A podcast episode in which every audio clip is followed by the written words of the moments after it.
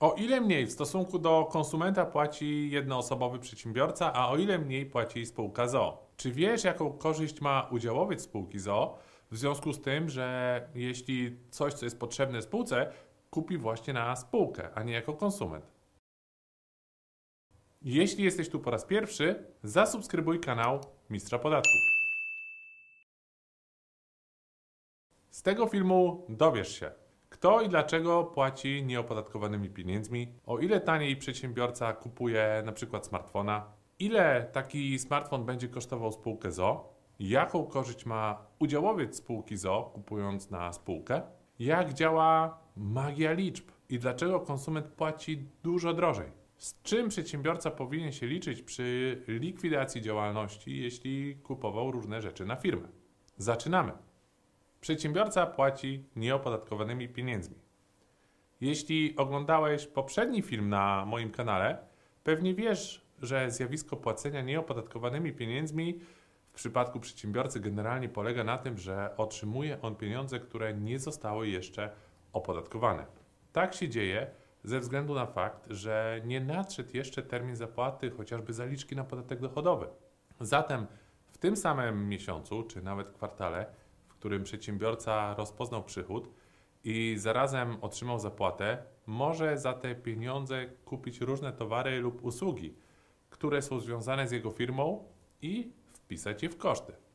Mówiąc krótko, przedsiębiorca generalnie robi zakupy za pieniądze, które jeszcze nie zostały uszczuplone przez podatki. Dodatkowo, wielu przedsiębiorców może odliczyć VAT z faktur zakupowych, do czego rzecz jasna nie mają prawa konsumenci.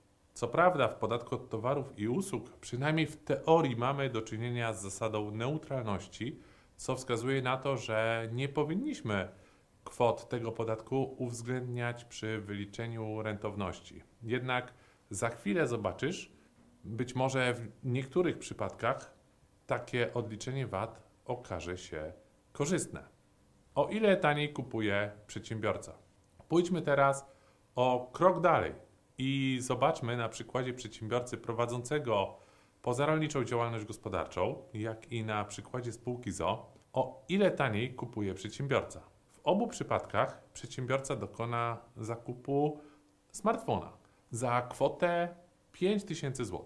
Przyjmijmy, że zarówno osoba fizyczna prowadząca działalność gospodarczą oraz spółka ZO są czynnymi podatnikami VAT i nabywają urządzenie w związku z działalnością opodatkowaną tym podatkiem. Załóżmy, że przedsiębiorca prowadzący jednoosobową działalność gospodarczą jest prawnikiem i potrzebuje smartfona w celu komunikowania się z klientami. Natomiast spółka ZO prowadzi działalność doradczą i do tych samych celów potrzebuje smartfona. Swoją drogą, daj znać w komentarzu, jakie inne wydatki przychodzą Ci na myśl, żeby zaksięgować je w koszty. Warto wspomnieć, że wykonywanie działalności, zarówno prawniczej oraz doradczej, wiąże się z byciem VAT-owcem bez względu na kwotę rocznego obrotu. Zatem obaj przedsiębiorcy, zarówno prawnik oraz spółka doradcza, mają prawo do odliczenia VAT-u od zakupu smartfona. W obu przypadkach po odliczeniu VAT-u w kwocie 935 zł obaj przedsiębiorcy do kosztów zaliczają 4065 zł.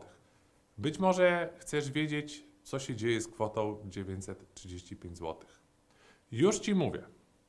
O tyle mniej podatku od towarów i usług będzie do zapłaty lub ewentualnie ten VAT będzie do zwrotu.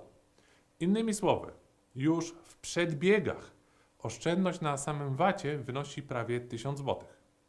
Ile w takim razie wyniesie całkowita oszczędność?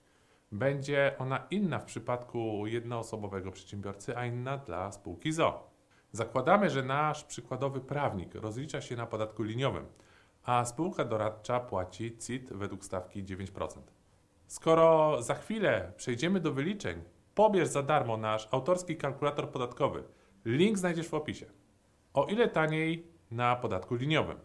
Zaczynamy od wyliczenia oszczędności na liniówce. Przemnóżmy 4065 zł przez 23,9%. Oprócz podatku dochodowego od osób fizycznych w wysokości 19% uwzględniamy składkę zdrowotną w wysokości 4,9%. Wynik po zaokrągleniu do pełnych złotych to 972 zł. Tak więc oszczędność na PIT i składce zdrowotnej wynosi 972 zł. A na VAT, jak już wcześniej policzyliśmy, 935 zł. Rzeczywisty koszt zakupu smartfona to 3093 zł. A oszczędność na podatkach i składkach to 1907 zł. Jak łatwo policzyć, w przypadku liniowca telefon jest tańszy o 38%. O ile taniej dla spółki ZO? Wyliczmy teraz oszczędność na podatku dochodowym w przypadku spółki ZO. Przemnóżmy 4065 zł przez 9%. Wynik dla wygodniejszej arytmetyki zaokrąglamy do pełnych złotych w dół i wychodzi nam 365 zł. Tak więc realny koszt zakupu telefonu dla spółki to 3700 zł, a oszczędność na VAT i CIT to 1300 zł. Liczby wskazują na to, że w przypadku spółki telefon jest tańszy o 26%. Ponadto w razie prowadzenia spółki ZO taki wydatek legalnie obniża podwójne opodatkowanie. I z tego powodu realna oszczędność na podatkach zapewne będzie jeszcze wyższa niż wyliczone 26%. W uproszczeniu, ten mechanizm polega na tym, że kwota, która została wydana na zakup smartfona, siłą rzeczy nie będzie mogła zostać wypłacona wspólnikom w formie dywidendy, ponieważ spółka już tymi pieniędzmi nie dysponuje. W takiej sytuacji dodatkowo nie pojawi się 19% podatek od dywidendy w stosunku do tej kwoty. Uwzględniając powyższe, wspólnik spółki ZO, który prawdopodobnie jest też jej członkiem zarządu, mógłby przyjąć, że telefon, z którego oczywiście korzysta w sprawach związanych z prowadzeniem spółki, kosztuje go jako właściciela biznesu niecałe 3000 zł, czyli o 40% taniej niż gdyby nabył go jako konsument. O ile drożej dla konsumenta? Teraz na podstawie tak zwanej magii liczb zobaczmy, o ile drożej za zakupy płaci konsument. Jak wiemy, nie odliczy on VAT ani nie wrzuci w koszty wydatku poczynionego tytułem zakupu telefonu. Zacznijmy od porównania z przedsiębiorcą na podatku liniowym. Dzieląc cenę telefonu przez realny koszt na liniówce, wychodzi na to, że konsument płaci nie o 38%, a o 62% więcej. Chyba zgodzisz się ze mną, że to dużo.